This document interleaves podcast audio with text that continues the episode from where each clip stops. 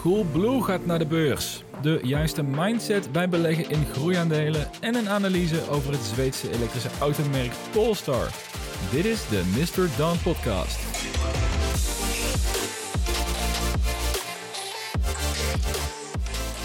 Welkom bij de zevende aflevering van het seizoen. Mijn naam is Jasper en het is op dit moment zondagnacht. Want dit is de tweede keer dat ik deze aflevering heb moeten opnemen. De eerste opname was namelijk helemaal gereed totdat de software een foutmelding kreeg bij het exporteren van het videobestand. Ja, en dan kom je erachter dat je geen backup hebt opgeslagen, dus je mag wel zeggen dat ik weer een dure les heb geleerd vandaag. Maar ik heb beloofd dat iedere maandagochtend een nieuwe aflevering live staat. En die belofte ben ik niet van plan om te gaan verbreken. Dus hebben we toch een leuke aflevering voor vandaag op de planning staan. Allereerst starten we zometeen met de aanstaande beursgang van het oer-Hollandse e-commerce bedrijf Coolblue. Ze hebben in de afgelopen week aangekondigd dat zij genoteerd gaan worden aan de Euronext Amsterdam. Ja, daar geef ik natuurlijk graag aandacht aan. Daarna wil ik stilstaan bij de mindset als je wilt investeren in groeiaandelen. Het is geen makkelijk jaar voor beleggers met de focus op dit soort bedrijven. En ik merk links en rechts dat men hun geduld begint te verliezen. Vandaar dat ik hierover mijn gedachten wil delen voor beleggers die overwegen om in groeiaandelen te investeren, of we dat doen, aangezien dat natuurlijk ook het domein is waar ik mij met Mr. Don primair op focus. En afsluitend volgt de aandeelanalyse met deze week het Zweedse bedrijf Polestar, die onder de loep genomen wordt. En sinds afgelopen juli waren er al geluiden dat Polestar via een spec merger naar de beurs zou komen. En nu eindelijk, enkele maanden later, zijn die geluiden bevestigd. Zij komen naar de beurs voor een waardering van 20 miljard dollar. En daar gaan we het natuurlijk over hebben. Maar voordat we echt van start gaan, de gebruikelijke disclaimer. Dit is geen financieel advies. Doe altijd je eigen onderzoek en beleg alleen met geld dat je voor een langere tijd kunt missen. En als je dan misschien geld kunt missen, dan kan je mij ook steunen door het kopen van een hele nieuwe toffe Investor Pet. Te koop voor 24,99 euro via mrdon.nl. Een super toffe premium pet voor jezelf of als cadeau voor een maatje die ook aan het beleggen is geslagen. Goed, het is eindelijk zover. Coolblue gaat naar de beurs. Sinds afgelopen februari kwam al het geluid naar buiten dat oprichter Pieter Zwart en de investeringsmaatschappij HAL ervoor open stonden om een beursgang te maken. En met dit nieuwe geld krijgen ze namelijk de financiële middelen om uit te breiden in Nederland, België en eventueel ook in Duitsland. Het afgelopen jaar heeft Coolblue een omzet behaald van bijna 2 miljard euro.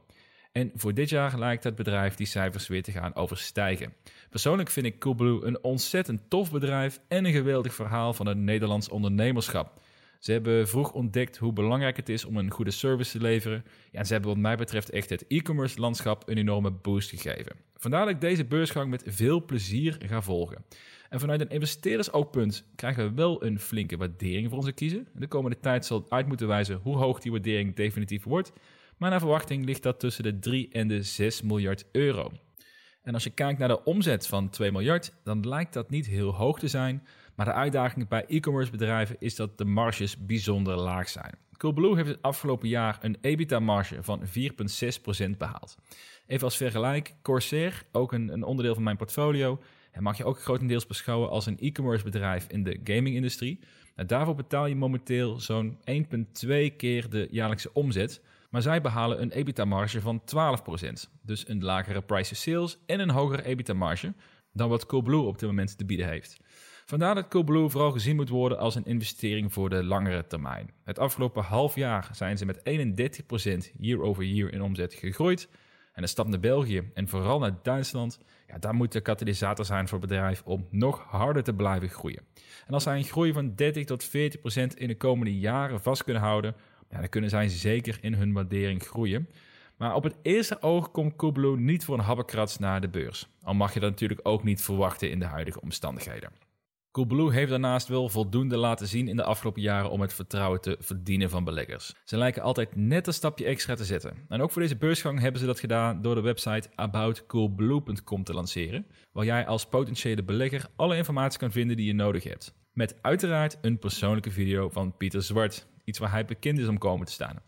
En het blijft de uitstraling behouden van een ontzettend sympathiek bedrijf. En ik hoop oprecht dat Coolblue de komende jaren een mooie groei gaat doormaken en ook een hele mooie beursgang gaat hebben. Het is leuk om zo'n bedrijf een beursgang te zien maken, waar zeker de nodige belangstelling voor zal komen in de komende tijd. Ze hopen in oktober al beursgenoteerd te worden, dus ik ga het zeker volgen. En ik ben ook heel benieuwd hoeveel luisteraars van deze podcast interesse hebben om erin te gaan investeren. Tot zover de beursgang van Coolblue. Voordat we zo meteen naar het aandeelanalyse van Polestar gaan, wil ik nog even kort stilstaan bij een belangrijk punt.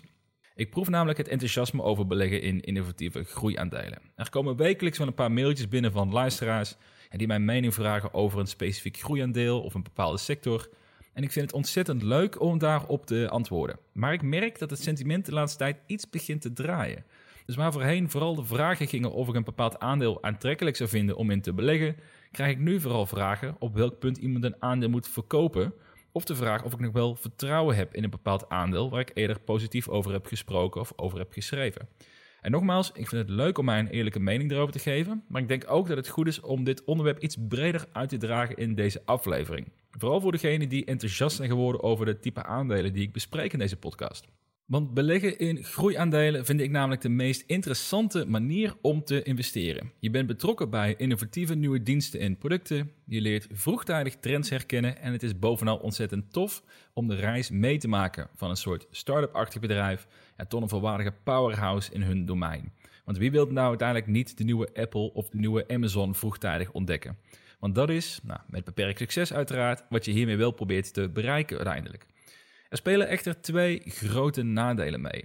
Allereerst zijn veel groeiaandelen in een fase dat ze zichzelf echt nog moeten bewijzen.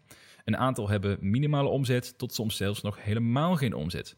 Er zit dus een timer aan vast. Zij zullen binnen afzienbare tijd hun omzet en hun winst moeten laten groeien, anders komt er een moment dat zij geen cash meer in kas hebben en dan zullen ze nieuwe aandelen moeten uitgeven, waardoor jouw aandelen minder waard worden. Of ze worden een makkelijke prooi voor concurrenten om over te nemen, of nog erger, ze gaan failliet. En bij een Apple en een Amazon, ja, daar speelt dit risico eigenlijk helemaal niet. En het tweede risico is dat het altijd langer de tijd kost voor dit soort bedrijven voordat de markt herkent dat het een potentieel sterke investering is. En beide nadelen hebben een directe impact op je mindset. Er zullen regelmatig fases zijn waarop je twijfelt over je investering, want er gebeurt altijd wel iets aan de plannen van zo'n bedrijf. En als je dan merkt dat het bedrijf geweldige stappen onderneemt achter de schermen, ja, dan nog kan het maanden tot soms jaren duren voordat de grote beleggers die potentie ook erkennen en dat je het ook gaat merken in de koers. Ja, dit kan enorm frustrerend zijn. En dat betekent dat je ook altijd goed op de hoogte moet blijven van het bedrijf waarin je investeert.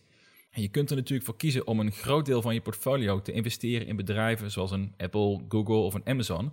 Dan hoef je eigenlijk nooit echt te kijken hoe deze bedrijven presteren. En de kans is dan nog steeds groot dat je over vijf jaar een winst ziet over je investering.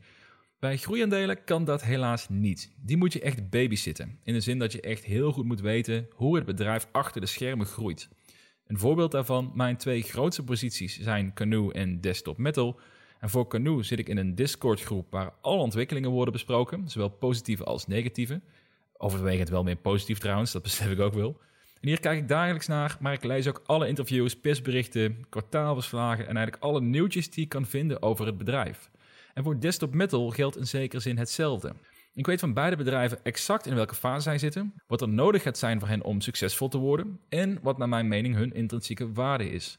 Want als ik dat niet zou weten, dan had ik met de koersontwikkeling van het afgelopen half jaar hoogstwaarschijnlijk allang beide aandelen verkocht. En helaas is dat hetgene wat ik nu om mij heen meer zie gebeuren dan voorheen. Beleggers worden moedeloos van groeiaandelen, waarbij de koers al maanden daalt, ja, terwijl de grotere techbedrijven en de value-aandelen dit jaar enorm zijn gestegen. En dat sentiment, dat begrijp ik helemaal. En het kan dan ook logisch zijn en heel verleidelijk om je teleurstellende groeiaandelen te verkopen en dan te gaan verschuiven naar andere, meer goed presterende aandelen. Maar ik denk dat je als belegger in groeiaandelen moet beseffen dat de tijd juist jouw beste maatje is. Je kiest er namelijk bewust voor om te investeren in bedrijven die ooit een gigant kunnen worden in die sector. Maar dat gebeurt nooit in een paar jaar tijd. En dat is wel het geduld dat je ervoor nodig hebt. Geduld en heel veel vertrouwen in je eigen overtuiging. En als je dat lastig vindt, of als je niet interessant vindt om jezelf continu te blijven verdiepen in je investeringen, ja, dan is het waarschijnlijk ook verstandiger om te kiezen voor meer solide aandelen of voor ETF's.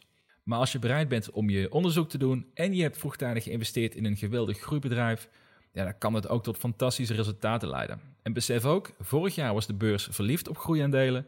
Nou, sinds februari is de liefde verplaatst naar vooral value en meer defensieve aandelen. Maar de liefde voor innovatie kan net zo snel weer terugkeren. De beurs werkt in fases. Het is vaak ook een kwestie van geduld. En mocht je hierover meer willen weten vanuit een macro-economisch perspectief, Dan raad ik je aan om de laatste video genaamd In the Know van Cathy Wood en Ark Invest te bekijken op hun YouTube kanaal. En daarin legt ze uit waarom zij geloven dat groeiaandelen weer hun glans gaan terugkrijgen. Nou, hiermee komen we aan het einde van het eerste deel van deze aflevering. We hebben gesproken over de beursgang van Coolblue en de mindset bij groeiaandelen. We gaan eruit van korte break en dan gaan we zo verder met de aandeelanalyse van het elektrische automerk Polestar. Tot zo!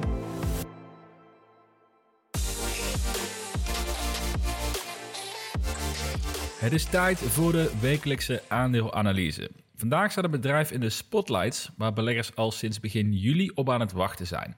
Toen kwam via Bloomberg namelijk het bericht naar buiten dat de spec van Goris Guggenheim in gesprek was met het Zweedse elektrische automerk Polestar. Tot op heden heeft Bloomberg een uitstekende track record in het vroegtijdig bekendmaken van dit soort gesprekken. En ook in dit geval hebben ze hun journalistieke skills bewezen, want afgelopen maandag kwam de definitieve bevestiging vanuit Polestar. Zij komen inderdaad naar de beurs. En aangezien dit een van de weinige elektrische automakers is die nu al daadwerkelijk op de weg ziet rijden, is dit een interessant aandeel om te analyseren in deze aflevering.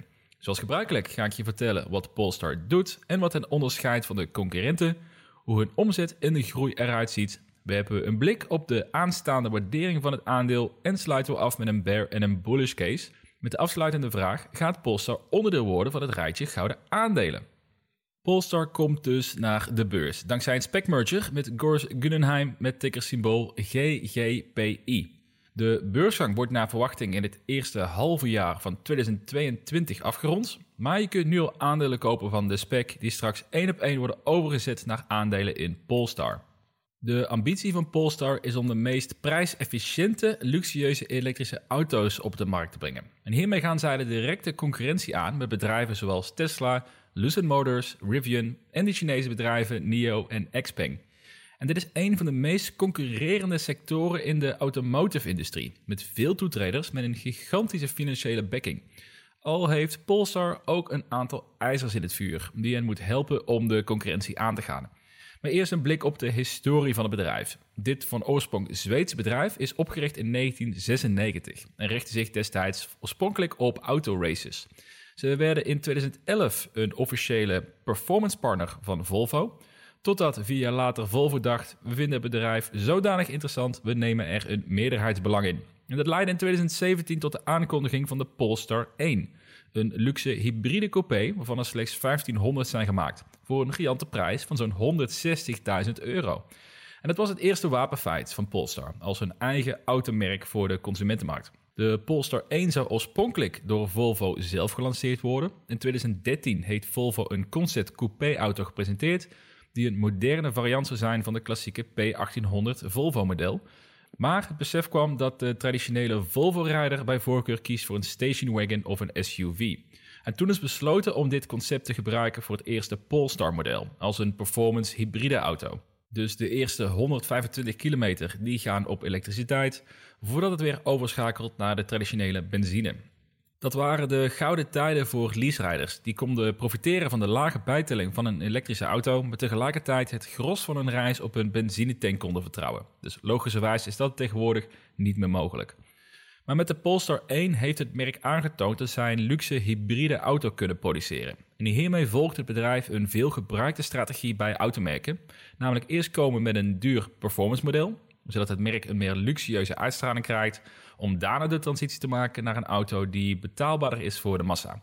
Na die fase heeft het bedrijf inmiddels afgerond. De productie van de luxe Polestar 1 wordt dit jaar stopgezet en de focus verschuift naar het volledige elektrische en betaalbaardere Polestar 2 model.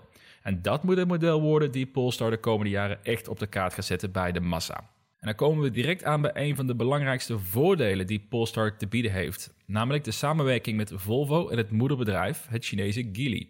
De Polestar 2 wordt geproduceerd in China in een zogeheten Super Factory die ook de Volvo V40 en het eerste model van Link Co produceert. En dit is een luxe die weinig EV-startups hebben. Ondersteuning van zo'n enorme automotive gigant geeft een enorme boost aan Polestar. Want het massaal produceren van auto's ja, wordt gezien als het lastigste onderdeel in het traject van automerken om daadwerkelijk naar de markt te komen. En dat is meteen ook het grootste risico van investeren in EV-bedrijven. Maar die fase is Polestar dus al voorbij. Ze verwachten dit jaar 29.000 auto's te verkopen, wat een omzet betekent van 1,6 miljard dollar. Hun doelstelling is om in 2025 een jaarlijks volume van 290.000 auto's te leveren. En dankzij de samenwerking met Volvo en Geely hebben ze vanaf het eerste moment meteen een afzetkanaal in Europa, de Verenigde Staten en in China.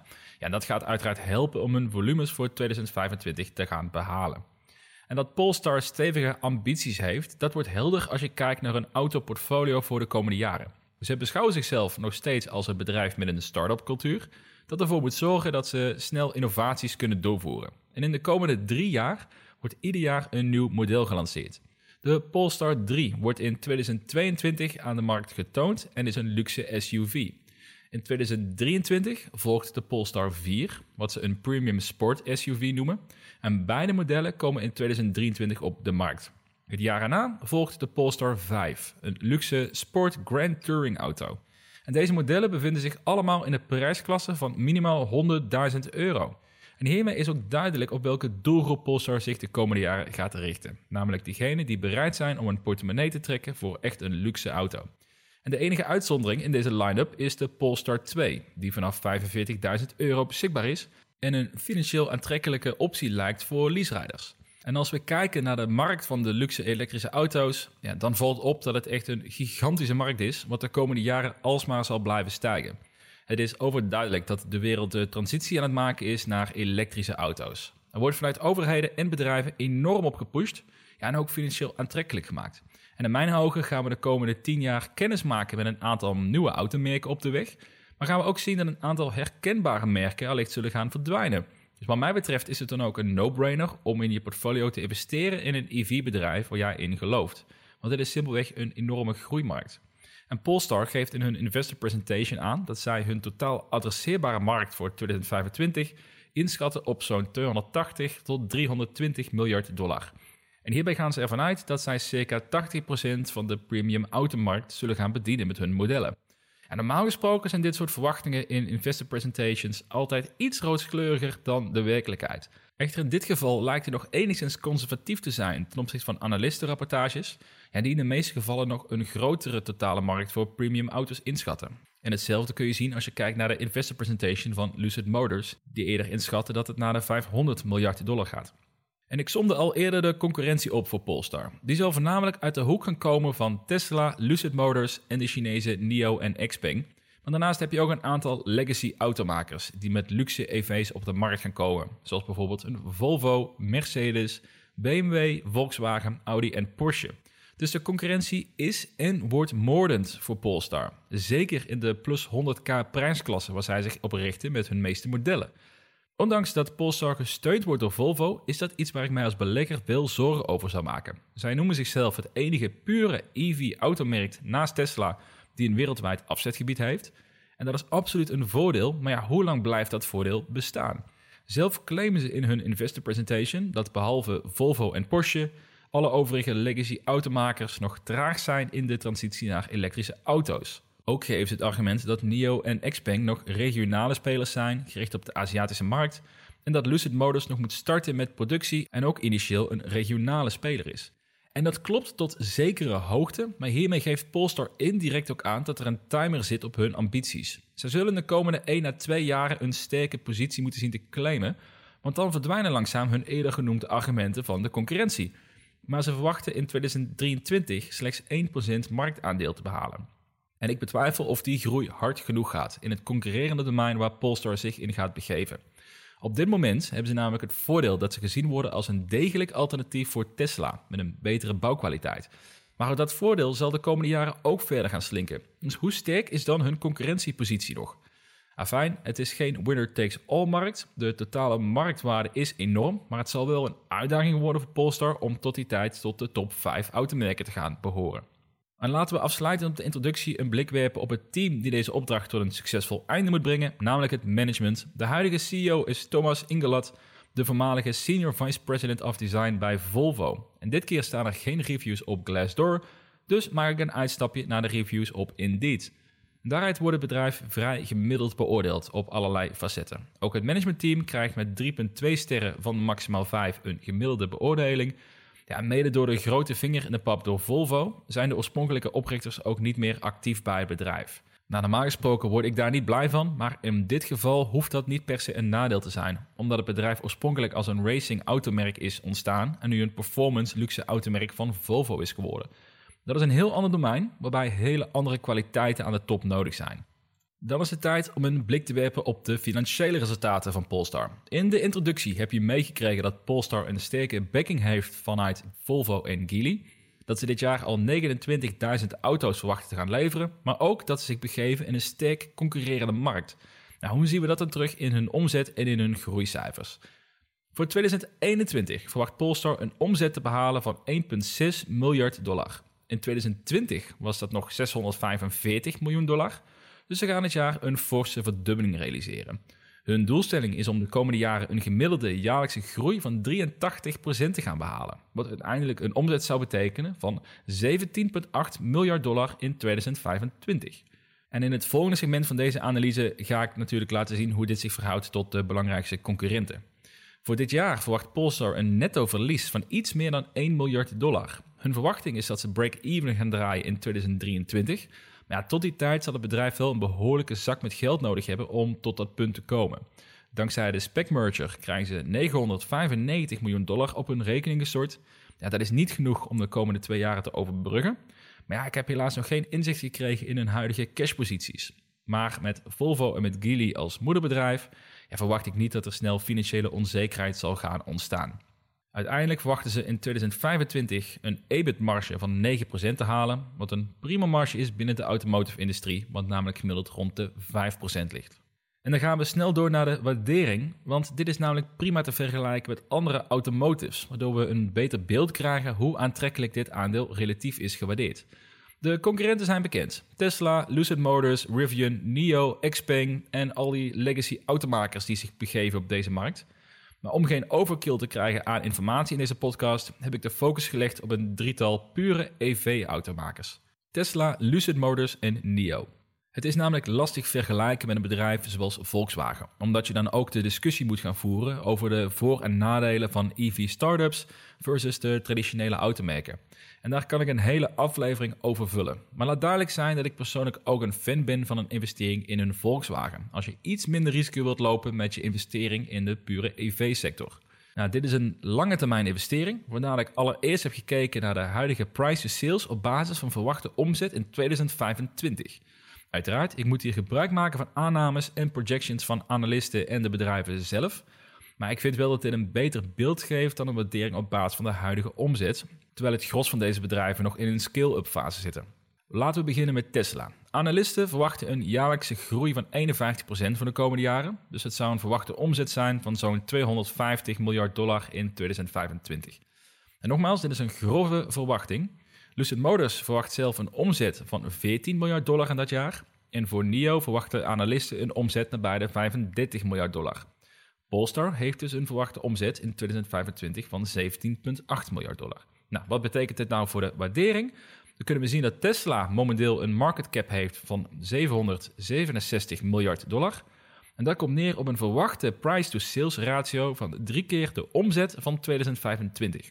Nou, dat klinkt misschien interessant op het eerste oog, maar let wel op, dat is de ratio als je het aandeel nu koopt en ervan uitgaat dat de koers de komende vier jaar hetzelfde blijft als nu en dat het bedrijf de omzetverwachting haalt. Dus er zitten nog wat mitsen en maren aan vast. Lucid Motors heeft momenteel een waardering van zo'n 40 miljard dollar. En dat zou een verwachte price to sales zijn van 2,8 keer de omzet van 2025. Dus dat is iets lager dan je nu zou betalen voor Tesla. De waardering van NIO is momenteel 58 miljard dollar. En hun price to sales ratio is dan 1,7 keer de verwachte omzet voor 2025. Nou, dat is nog aantrekkelijker dan Tesla en Lucid Motors. Maar ik blijf zelf terughoudend met cijfers vanuit China. En ook de markt is simpelweg minder bereid om een premium te betalen voor Chinese aandelen. Dus ja, het is relatief goedkoper. Maar de vraag is ook of dit qua rendement dan ook per se een betere keuze is dan Tesla en Lucid Motors. Ondanks dat het een relatief lagere waardering heeft. Dan hebben we Polestar. Op basis van een eigen omzetverwachting en de huidige waardering van 20 miljard dollar kom je uit op een ratio van 1,1 keer de verwachte omzet van 2025. En dat is bijna drie keer zo goedkoop als Tesla en 2,5 keer zo goedkoop als Lucid Motors. En wat mij betreft komen we hier weer ook bij een belangrijk punt als je kijkt naar de waarderingen van elektrische automerken. Je mag geruststellen dat de waarderingen van EV-aandelen behoorlijk zijn opgelopen in het afgelopen jaar. Tuurlijk, Lucid Motors staat niet meer op de belachelijke waardering van bijna 90 miljard dollar tijdens een specfase, of in ieder geval de verwachte waardering was dat destijds, maar het is nog steeds ontzettend prijzig. Concurrent Rivian komt binnenkort met een waardering van 80 miljard dollar de beurs op, wat in mijn ogen het toppunt is van een bizarre waardering in deze sector.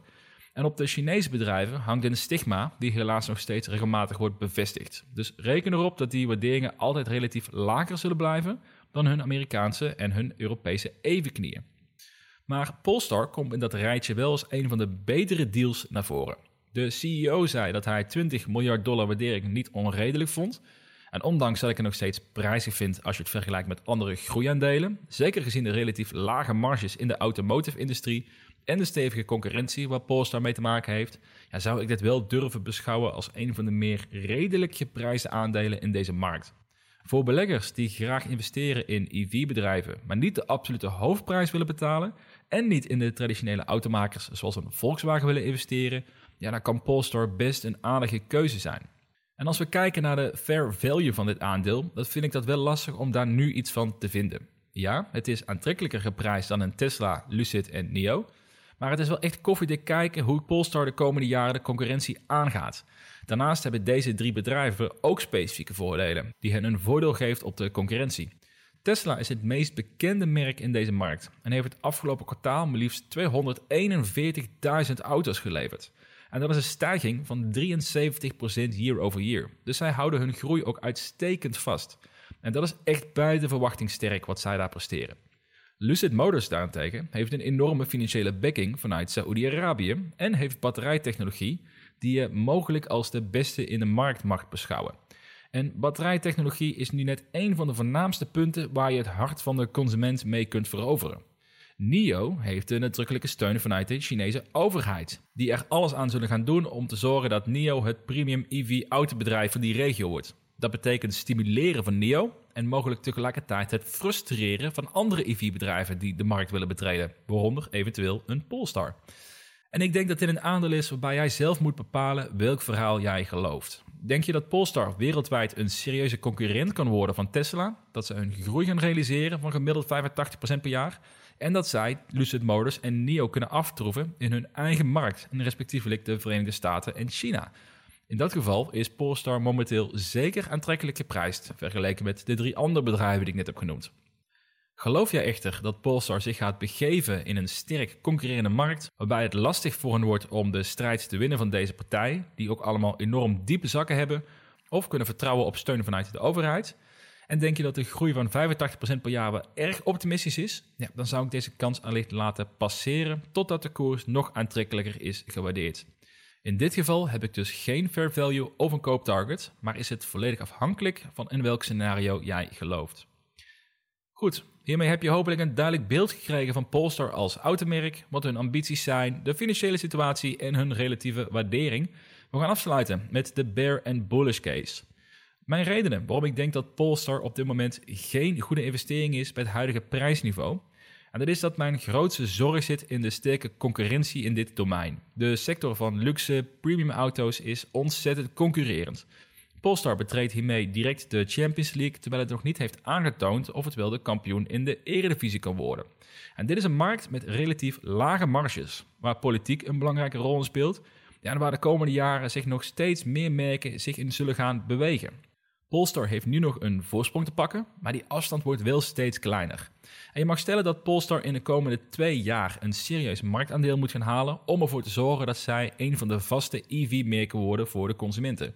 Ik betwijfel echter of zij daar genoeg schaal voor kunnen gaan maken. Ja, ze hebben de steun vanuit Volvo en Geely om die schaalbaarheid te leveren, maar met 65.000 geleverde auto's in 2023 heb je slechts 1% marktaandeel in de luxe automarkt.